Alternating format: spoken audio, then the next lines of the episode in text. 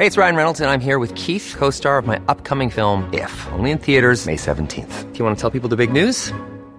All right, I'll do. Sign up now and you'll get unlimited for $15 a month in six months of Paramount Plus Essential Plan on us. Mintmobile.com slash switch. Upfront payment of $45 equivalent to $15 per month. Unlimited over 40 gigabytes per month. Face lower speeds. Videos at 480p. Active Mint customers by 531.24 get six months of Paramount Plus Essential Plan. Auto renews after six months. Offer ends May 31st, 2024. Separate Paramount Plus registration required. Terms and conditions apply if rated PG.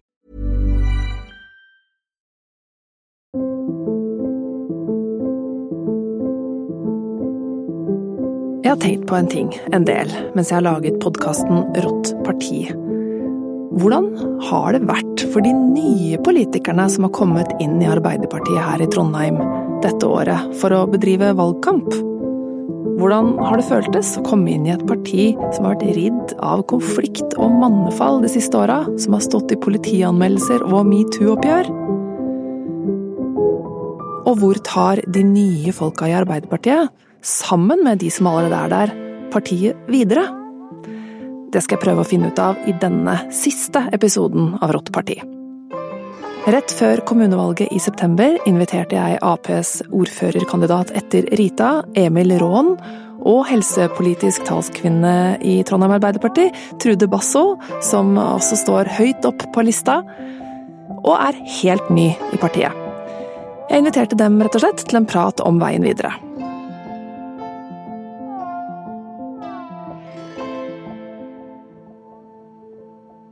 Jeg tror jo på en måte at valget av Det at vi har bytta ut da, halvparten av topp ti-kandidatene, og det at jeg kommer inn ny litt fra sida, at Trude kommer ny kandidat inn fra sida, det er jo et uttrykk for at Arbeiderpartiet også ønsker å eh, ja, kombinere det med erfaring på det som har gått bra, med da et litt nytt, friskt blikk som kommer fra utsida. Så, så, og det tror jeg på sjøl òg. Tror veldig på at det er en, en, fin måte å nå ta Arbeiderpartiet videre, og det å styre byen videre på den måten. Så ja. Hva tenker du da om Kystad-saken, hvordan det kunne skje? I en stor by som Trondheim, med folk som har hatt makt lenge.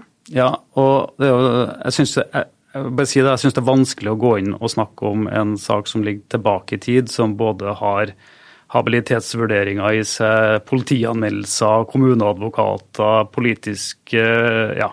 Et mareritt? Ja, ja men, men, det er mange dimensjoner. da, så Det å sånn lettbeint gå inn i en sånn kompleks og vanskelig sak, det syns jeg er litt sånn problematisk når jeg heller ikke var der når det skjedde. Men det som jeg kan være krystallklar på, det er jo at hva ønsker jeg, da? Hvordan politisk kultur ønsker jeg, og hva kommer jeg til å stå opp for? Og det er jo bl.a. at vi åpenbart må ha eh, habilitetsreglene i orden. Ikke bare reglene i orden, vi skal etterleve dem. ikke sant? Eh, og at vi har en eh, etisk regelverk som vi forholder oss til, og som vi følger. Eh, og at vi ikke setter oss i sånne situasjoner der det blir stilt spørsmål ved det. Eh, så, så det er jo en politisk kultur som jeg ønsker å jobbe knallhardt for, mm. og kommer til å være tydelig på. Trude, du var jo 100% utenfor når den uh, saken rulla. Husker du Kystad-saken og hva du tenkte om det? Ja, jeg, jeg tenker jo uh, mye på tillit og habilitet rett som det er. Det har jo vært aktualisert i sommer, for å det si det sånn. Det, ja. Ja, nei, men jeg satt jo og leste avisa som eh, alle andre i Trondheim og fulgte saken gjennom det. Og jeg syns det er eh, det er så trasig når det kommer opp saker som eh, rokker ved tilliten til det politiske Norge og til vårt demokrati, egentlig. Og jeg tenker at det er et kjempestort samfunnsproblem. Nå snakker jeg ikke bare om Kystad-saken, men sånn generelt. Det er et kjempestort samfunnsproblem når det sås tvil om at politiske beslutninger, altså folk som har søkt makt, om de på et vis beriker seg selv enten direkte eller indirekte gjennom den makta. Eh, jeg syns det er veldig alvorlig. Mm. Og det tenkte jeg også når jeg leste Kista-saken. Eh, og så skal jeg være ærlig at jeg har nok ikke lest den noe mer inngående enn han andre som har lest Adresseavisa. Men, men generelt så syns jeg det der er noe styggedom som skal bort. Altså, hver, altså det alle saker som gjør at man sitter som vanlig innbygger og velger og lurer på her er det noen som har gjort en tjeneste for noen, eller noen som Om det er riktig eller ikke riktig, er ikke kjempeviktig. Sant? Altså, men det er det derre inntrykket som, blir, som står igjen. For meg så, så var jo alt jeg leste i avisen om Trondheim Arbeiderparti en ordentlig høy dørterskel for å bli med. Det skal jeg være helt ærlig på, det har jeg sagt før også, det kan jeg fortsette å si. Eh, men så fant jeg ut at det, man, det jeg, jeg er ikke sånn feig, bro. Jeg vil ikke være, jeg vil ikke la meg styre av sånne ting. Eh, så da meldte jeg meg inn, og så flagga jeg det på Facebook. Eh, det er jo sånn jeg gjør. hvis jeg skal, hvis jeg skal vil fortelle noe. så, og da eh, tok det bare noen dager, og så ble jeg kontakta av et medlem i Trondheim Arbeiderparti som kjente meg fra sykehuset. Eh, ikke kollega, men som har òg jobba i sykehuset. Og så gikk det noen dager til, og så ble jeg kontakta av en som også kjente meg gjennom sykehuset, men fra mitt lokallag, da Byåsen Arbeiderlag. Sånn at veldig raskt så ble jeg invitert inn, og jeg ble også spurt om jeg var interessert i å sitte i møter i forkant av møtene i helse- og eldrekomiteen f.eks., og få, få, innsikt i saksunderlag og være med å diskutere sånn inn mot bystyrearbeidet. Sånn at jeg ble jo eh, eh, jeg, jeg, ble jo møtt med åpne armer av folk jeg ikke visste hvem var, som jeg ikke kjente, som jeg ikke visste hvem var, men som hadde snappa opp hvem jeg var gjennom sannsynligvis legeforeningsarbeid og sånn opp igjennom. Da.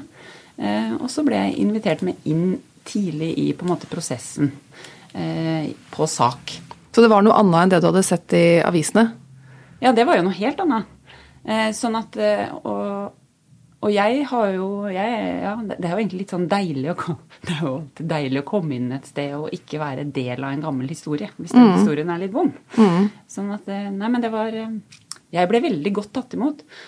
Og det, det, er veldig fint, ikke bare for meg, men det er veldig bra at man kan komme inn i partipolitikken uten å ha eh, en sånn ungdomspolitisk karriere bak seg, eller at man har en bekjentskapskrets. For jeg kjente jo ingen. Mm. Men det, er, det, går an å komme inn som godt voksen, eh, snakker ikke trøndersk engang, og så blir man på en måte inkludert i, i fellesskapet, da. Når var det du fikk eh, Eller har du fått sett noe til det rotet som du da egentlig helst hadde lyst til å unngå, når du kom inn i partiet? Ja, men det er, helt, det er jo helt umulig å ikke um, Altså det er jo noe som fortsatt, eh, fortsatt, berører partiet og og det er jo også bra. fordi at man skal jo ikke bare liksom lukke lokket og så gå videre uten å ha noe bevisst forhold til det som har skjedd før. Men det jeg har vært bevisst på, det er at jeg, jeg har aktivt ikke gått inn for å liksom finne ut hva den ene og den andre mente om det ene eller det andre. Jeg tenker at det gjør, det gjør bare min eh, hverdag vanskeligere hvis jeg skal gjøre det, uten at det egentlig vil gjøre det bedre for noen heller. Sånn at eh, det er det altså jeg og alle er vel på en måte bevisst av den historien vi har. Mm. Eh, og det eh, Og den, den, er Altså, den historikken er jo der. Eh, men vi som er der, vil jo òg jobbe med politikk og se framover. Så det er eh, Ja. En av de tingene som det har vært fokus på, er jo at det har vært mye tette bånd i en gruppe mennesker som har hatt mye makt her. Mm. Kjenner du til noen av de folka? Som liksom altså Rita, Tore ja, Jeg kjenner ingen av dem. Du kjenner ingen av dem? Du, du er helt mm. Mm. Jeg har hilst på dem i partisammenheng sånn ved kaffemaskinen. Det er helt sant. Ja. Mm. ja. Ja, nå ser jeg på deg, Emil. Ja, det gjør du. Ja. eh, og du spør om Du har jo kommet inn i partiet egentlig to ganger, da. Du ja. var der som ja. ung, um, og så kom du inn igjen som voksen etter å ha hatt et uh, annet liv. Du kan jo si noen ting om hva som møtte deg den første gangen, da, først. Jeg var jo med på denne her operasjonen, eller snuoperasjonen. Nå skulle vi prøve å vinne valget igjen, da, etter, mm. etter lang tid med Høyre-styret. Og var, jeg satt i oppvekstkomiteen og var jo opptatt av de her skolene som ikke var pussa opp, og hvor de ikke var i stand etter lovgivning osv. Og, og det var jo en sånn stor Så jeg hadde jo en, en del med det å gjøre, sånn som jeg husker det. da.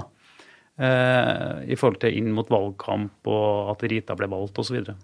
Eh, jeg husker det var en stor entusiasme for å endelig ta over makta, og jeg husker at det var veldig, veldig mye artigere å sitte i posisjon enn å sitte i opposisjon. Eh, så det er sånne litt større minner som jeg har fra den gangen. Ja. Mm. Og grunnen til at du slutta, det var, det var ikke at du ble frøset ut, det var at du hadde lyst til å gjøre noe annet? Ja, altså det er jo Jeg tror at jeg var ganske ung og ambisiøs den gangen også. Og at uh, det kan jo være at uh, ambisjonene var større enn mulighetene. Det, det, det kan jo være det. Men, men jeg, tror, jeg, tror, også at jeg hadde det veldig, veldig bra i det, i det sivile livet og jobben. Og så at jeg kunne vinne andre erfaringer også. Så det var ikke noe Ja. Jeg husker ikke det som veldig dramatisk. Men eh, for å stille deg det samme spørsmålet som jeg stilte eh, Trude da. Eh, hva er ditt forhold til Rita, Tore, Trond, Rune? Er dere gode venner? Um... Altså, vi er jo partivenner, partikollegaer, partikamerater. Men som sagt, jeg har jo hele tida hatt et Altså min vennekrets, dem jeg har dratt på fest med, eller på tur med, eller vokst opp med, det er en helt annen gjeng. Slik at det, det, er jo folk jeg møter i partisammenheng, sånn som Trude. Sånn har jeg også møtt Rita, sånn har jeg også møtt Trond, sånn har jeg også møtt uh, Tore. Og så er det jo, jobber jeg jo på fylkesordførerens kontor, og jeg vil kanskje si at uh, Tore er jo den jeg av de uh, kjenner best, da, og ja, har blitt enda mer kjent med i siste tida. Hva er det viktigste lærdommen du har fått av Tore? Tore er jo en, eh, en som leser opp på veldig mange ting eh, og er veldig opptatt av ulike saker. Og når du snakker med Tore, så tar det ikke lang tid før du snakker om en eller annen politisk sak som han ønsker å, å endre på. Enten det er trygghet og sikkerhet eh, i Nato-sammenheng her i Trøndelag, eller om det er en mer praktisk skole, eller det er bedre helsetjenester. Så, så vi har den type samtaler.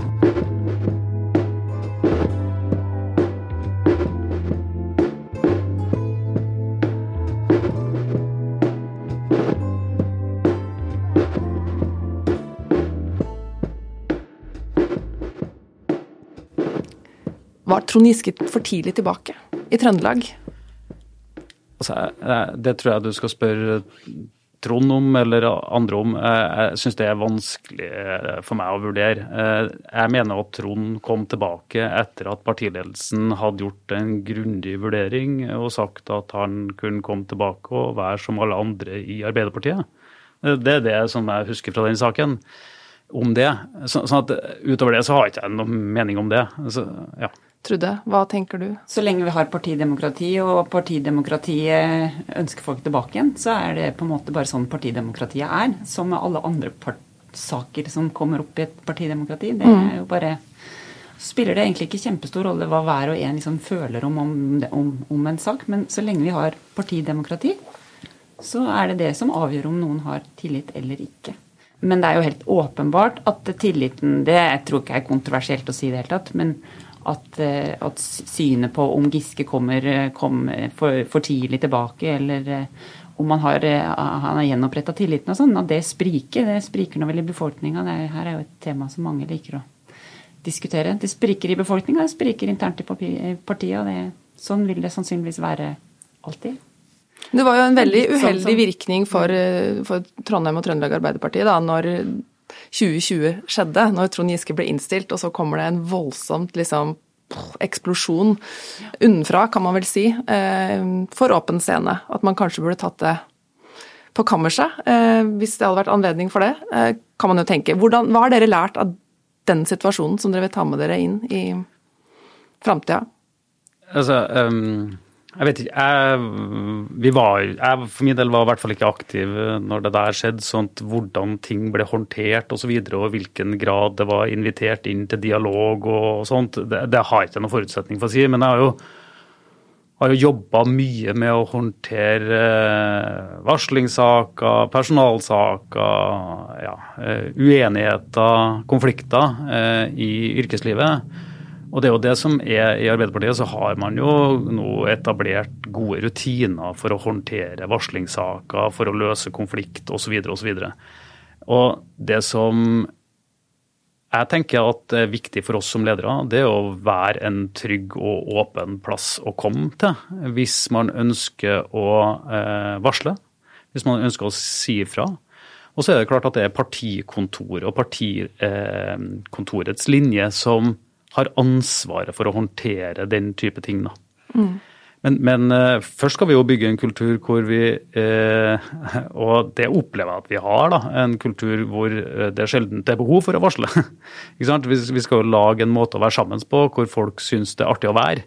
Og hvor det er bra for alle å være. Og hvor det er takhøyde for å være forskjellig og for å mene forskjellige ting. Og hvor vi blir bedre sammen. Og så er det klart at når ting skjer, som det skjer i alle organisasjoner fra tid til annen, uheldige episoder eller klandreverdig oppførsel eller ting som det varsles på, så må vi håndtere det etter et, eh, på en ordentlig måte. Og det er fullt mulig. Den metoo-runden har i ettertid, syns jeg, blitt veldig fokusert på hvem var det som på en måte blei tatt. Altså Det ble personifisert, mens det egentlig er saken som er superviktig. Fordi alle steder der noen er avhengig av andre eller en form for goodwill for å kunne eh, oppfylle sine ambisjoner. Veldig mange har jo på en måte en sånn indre drive at man ønsker å gjøre noe, men så er man avhengig av andre rundt seg. Så skal man være kjempe på vakt. Og da er det sånn at ja, da blir livet kanskje litt kjipere. Men det er bra, mener jeg. Jeg mener livet i sånne settinger skal være litt kjipere. There's never been a faster or easier way to start your weight loss journey than with PlushCare. PlushCare accepts most insurance plans and gives you online access to board-certified physicians who can prescribe FDA-approved weight loss medications like Wigovi and Zepbound for those who qualify. Take charge of your health and speak with a board-certified physician about a weight loss plan that's right for you. Get started today at plushcare.com slash weight loss. That's plushcare.com slash weight loss. plushcare.com slash weightloss.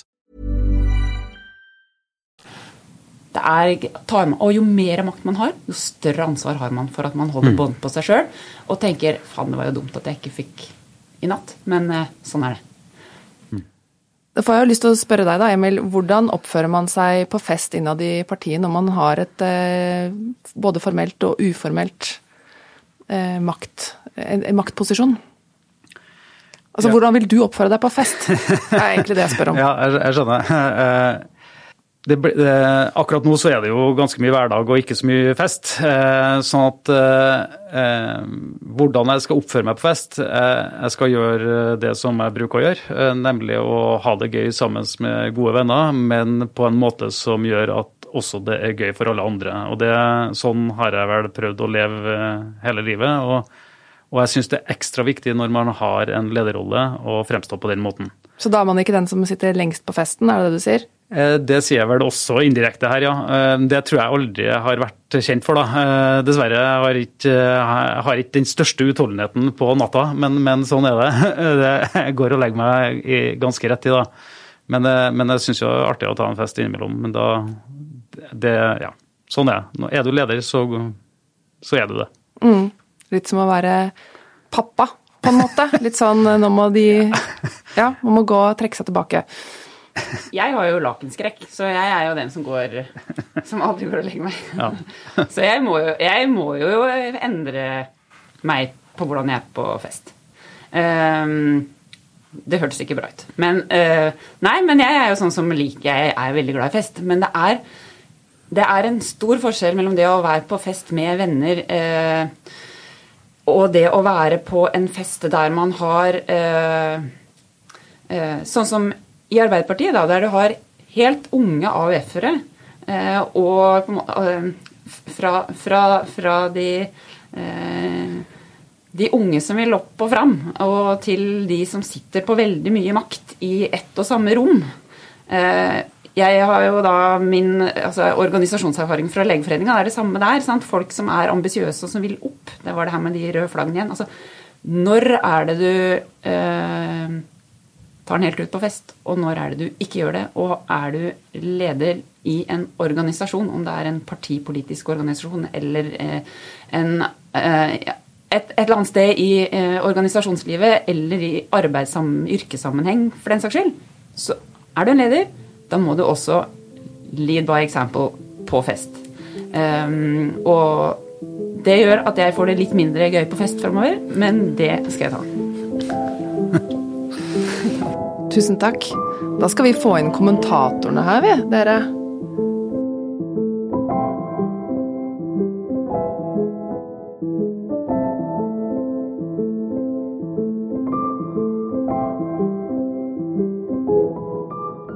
Da har jeg fått eh, kommentatorene våre inn i studio her hos meg. Vi har rydda bort kaffekoppene til eh, Emil Raan og Trude Basso. Og så har vi fått på plass eh, kaffekoppene og mobilene og snusboksene og leppepomadene osv.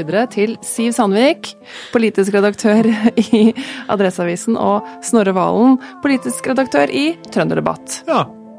Dere har sittet faktisk på bakrommet her og hørt på når Trude og Emil var her. Første liksom umiddelbare kommentarer?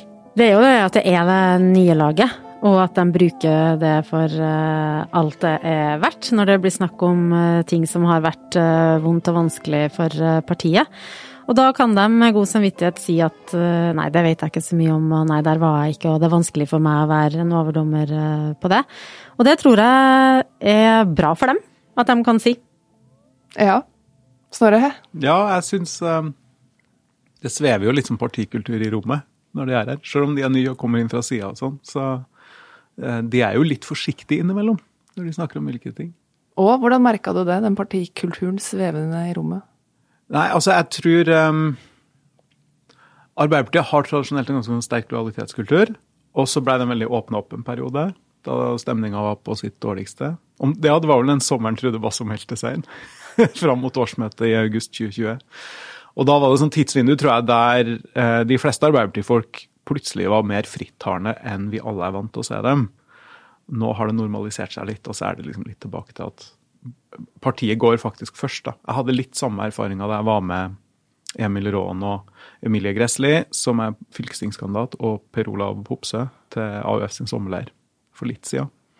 Eh, og da så jeg jo folk som har eh, skjelt hverandre ut og, og, vært i veldig veldig harde slag de siste åra, og plutselig spiller volleyball sammen. Så det, det, var både litt sånn artig, men også interessant opplevelse. Hmm. Mm. Og så er det jo et parti som vet hvor eh, skadelig det kan være, både internt og eksternt, å være i konflikt. Ja og som er utrolig lei av det. På alle sider av den konflikten så mm. er folk eh, sånn ferdig. Og, og dem som eh, ikke har eh, ønska å være ferdig, eller som føler at den versjonen av 'nå har vi blitt venner og rydda opp', eh, har blitt litt eh, trang, de er jo kanskje ikke aktive i eh, partiet lenger. Nå refererer vi jo til en kultur som eh, er 20 år gammel. Og vi må bare gå litt tilbake der. Eh, fordi den podkasten som vi nå er en del av, eh, Rått parti, har jo da sett på dette politiske prosjektet som starta på 90-tallet, og som har styrt Trondheim i 20 år. Nå i høst. Ehm, og de sentrale personene som har vært med nesten hele veien der, er jo da Tore O. Sandvik, som er fylkesordfører, og så er det Trond Giske, som nå er leder av et lokallag. Uh, og så er det Rune Olse, som forsvant ut av trondheimspolitikken etter uh, Kystad-saken. Rita Ottevik, Geir Våge, Hanne Mo Bjørnbeth, for å nevne noen få, som er da en, en kjerne som har vært med i mange år. Hva vil dere si at beskriver best det politiske prosjektet som ble satt i gang den gangen? Det er jo et gedigent spørsmål. Eh, som er umulig å gi sånn et kjapt svar på. Men eh, når jeg har lest meg tilbake i tid, da, så fant jeg en sak fra 2000 eh, i VG som eh, i hvert fall forteller en del av historien. Og den har tittel 'Broilerfabrikken AUF'. Og så starter den eh, som følger 1989. Trond Giske velges som leder i Sør-Trøndelag AUF. En effektiv broilerfabrikk fødes. Og, og, så går det opp til å liksom nevne at elleve personer fra den kretsen, elleve år seinere, da hadde sentrale eh, jobber og verv eh, i Oslo, i, på storting eller i eh, regjering. Og helt siden starten av det som vi nå kjenner som liksom Ap-maskineriet og Ap-makta, med base i Trondheim og Trøndelag, har vært litt sånn myteomspunnet. Den var allerede det i år 2000. Eh, eh, og det tror jeg har prega både hvordan de har sett på seg sjøl, og ikke minst dekninga av dem. At det var en gjeng som kom inn med en enorm kraft og visjoner, og ikke minst et sterkt vennskap og så har det både vennskapene og den krafta prega ikke bare trondheimspolitikken og trøndersk politikk, men også norsk politikk, fordi Arbeiderpartiet har vært den maktfaktoren eh, som de har vært. Når da mange av disse menneskene har kjent hverandre så godt, styrt så lenge, eh, hvordan skal Emil Raan best angripe dette? Um, jeg tror det er liksom De starter på null på mange måter, og, det er fordi det er jo ikke uvanlig i partier at folk kjenner hverandre godt, eh, eller blir gode venner og jobber tett sammen over mange år. Men det blir jo både veldig mye mer synlig og tydelig, og så får det også mer å si når du har makt sammenhengende hele den tida. Og det er kanskje det som skiller det her i kretsen i Arbeiderpartiet fra mange andre. da. Det er mange som har holdt sammen som venner eller som hverandres forlovere, eller, eller, vært ganske tett på hverandre i et parti og vært aktive sammen i mange år, men det er veldig få som har styrt en kommune og et fylke sammenhengende så lang tid samtidig. Mens Emil Raan har jo ikke vært en sånn særlig del av det her miljøet på veldig mange år, om man egentlig noen gang har vært særlig tett på. Eh, og på samme tid så har jo også Trondheim og Trøndelag mista mye av den lederrollen fylket og byen har hatt da, i nasjonal politikk. Altså Da Rita tok over i Trondheim i 2003, så var jo det en sånn her Både måten man drev valgkamp på og sakene man prioriterte, var en modell for det rød-grønne regjeringssamarbeidet. To år seinere. Eh, så man fikk veldig mye å si. Man fikk veldig mye definisjonsmakt. Og nå er alle de her prosjektene på ulikt vis over. Mange av de her personene som er omtalt, er ikke lenger veldig nær hverandre, eller kommer kanskje ikke så godt overens alle sammen lenger engang. Eh, og Emil Raan og det laget han har, skal definere noe nytt. Så egentlig er det liksom start på null. Jeg tror han har en øh, vanskelig Altså, han må både ta eierskap til og skryte av og være stolt av det um, de trekker fram som Arbeiderpartiets seire og gjennomslag i løpet av de siste 20 årene. Uh, og så må han legge seg på sida av alle konfliktene. Fordi han kan ikke ta for mye avstand fra alt heller, fordi da vil det bli tolka som eh, kritikk av f.eks. Eh, Trond eh, Giske, da, som har mange støttespillere, ikke bare i organisasjonen, men også blant velgerne. Så han, han har ikke noe sånn kjempestort rom å manøvrere i der. Arbeiderpartiet har jo vært prega av intern uro, både nasjonalt, men ikke minst her i byen, da, som er temaet vårt nå. Og det spørsmålet som mange har stilt seg, som jeg har lyst til å stille dere nå, er jo er Ap verre enn andre partier? Eller har de bare hatt flomlyset på seg? Jeg tror de er verre på enkelte ting, ja. Det spørs litt hva det er du spør om. Uh, fordi jeg, jeg, tror mye av det er sånn Hva er det norske ordet for bias, da? Um, fordommer? Ja, ja, men ikke fordommer, men mer sånn um, at du Forutinntatt? Inhabil? Ja, nei. Jeg mener mer at du ser, altså Når du observerer noe, da, så er det jo veldig mye lettere å se hvis det du observerer er stort og veldig tydelig. Og det er Arbeiderpartiet i Trondheim, ikke sant? for de har vært dominerende så lenge. De har hatt så mye makt. De har hatt klart flest toppolitikere. Sånn at da, da er både maktspillet de driver med, mer synlig. Konfliktene blir mer synlig. overtredelsen overtredelsene og metoo-sakene blir mer synlig. Sjøl om alle andre partier også har hatt innslag av det. ikke sant? Og det kan, det kan jo føre til at det er lett å mistenke Arbeiderpartiet for å være verre enn andre partier, men egentlig har de bare vært størst og mest synlig. Men jeg tror òg Arbeiderpartiet har noen trekk ved seg i partikulturen, hvordan de snakker om å lære hverandre opp i makt, og hva makt er for noe, som gjør at Arbeiderpartiet har en del problemer i større grad enn andre partier har òg. Og så tror jeg at de har eh, vanskeligere for å komme over ting. Ja. Altså det er en god del gammelt agg der. Ja. Eh, som også journalistene er klar over og kan trekke linja til, ikke sant. Enig. Eh, hvis vi ser tilbake på Senterpartiet, da Trygve Slagsvold Vedum eh, tok over i 2013, eh, var det vel, mm -hmm. så var jo det et parti som lå ned for telling, og som hadde snakka så stygt om hverandre. Og den konflikten der Navarsete var på den ene sida og Ola Borten Moe på den andre, den var ikke pen. Men de har liksom rista det av seg. Og det er sikkert folk som ikke tåler trynet på hverandre der òg, men det preger ikke verken analysene eller dekninga av det partiet, fordi folk i partiet snakker ikke om det. Men når du prater med Arbeiderpartifolk og sier ja, han har sagt det om eh, sånn og slik, ja ja, men han eh, sto jo på ja-sida, vet du, i 94. Mm. Så det her er jo hevn, det. For at uh, han og hun var på nei-sida. Og det er, liksom, det er ganske mange år siden, 94, og det trekkes fortsatt fram som en forklarende faktor. Kanskje med rette, men det sier noe om at uh, det er liksom elefanter i det partiet. Man glemmer ikke. Mm. Men hva, altså du, Vi hørte jo dem snakke litt om det her i stad. Hvordan de ville angripe både metoo og tillits... Eh, altså det å miste tilliten eh, ved at man kanskje tror at noen er ute etter å berike seg sjøl. Bare det er nok, på en måte. Mm. Eh, hva har vi lært av det som Trondheim Arbeiderparti har gått gjennom de siste åra, som alle politikere som hører på dette her nå, kan eh, ta med seg? Hvordan får man bukt med det? Ukultur. Både i forhold til liksom det makt, uformell makt, misbruke det, men også det med å ja, om ikke rent faktisk tafse til seg. Ikke ha tillit til at man er ute etter fellesskapets beste. Altså det, det, ingen av de sa noe om, og det, og det syns jeg var verdt å merke seg, de snakka jo ikke om en vedvarende ukultur i Trondheim Arbeiderparti.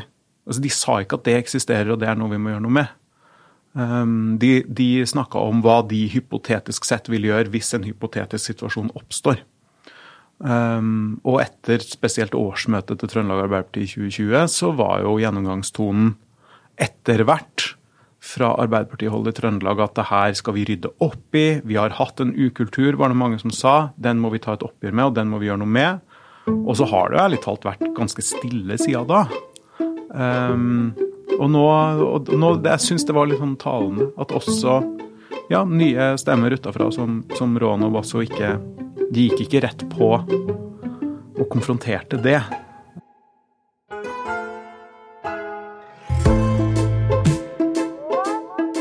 Denne episoden av Rått parti er laget av meg, Anne Dorte Lunås, og teknisk ansvarlig Espen Bakken. Ansvarlig redaktør i Adresseavisa er Kirsti Husby.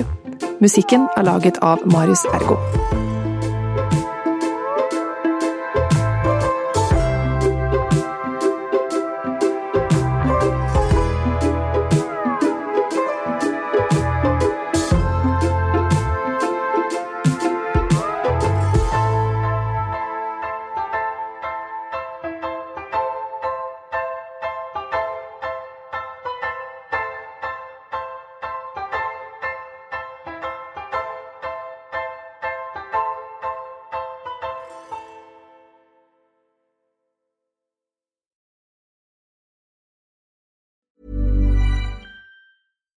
When you make decisions for your company, you look for the no-brainers. And if you have a lot of mailing to do, stamps.com is the ultimate no-brainer. It streamlines your processes to make your business more efficient, which makes you less busy.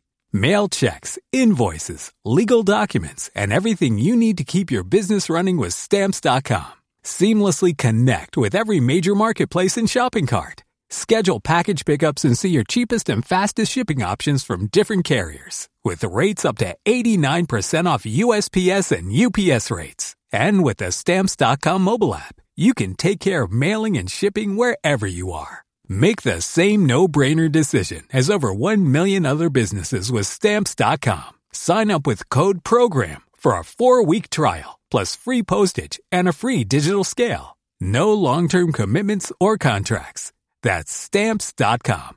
Code program.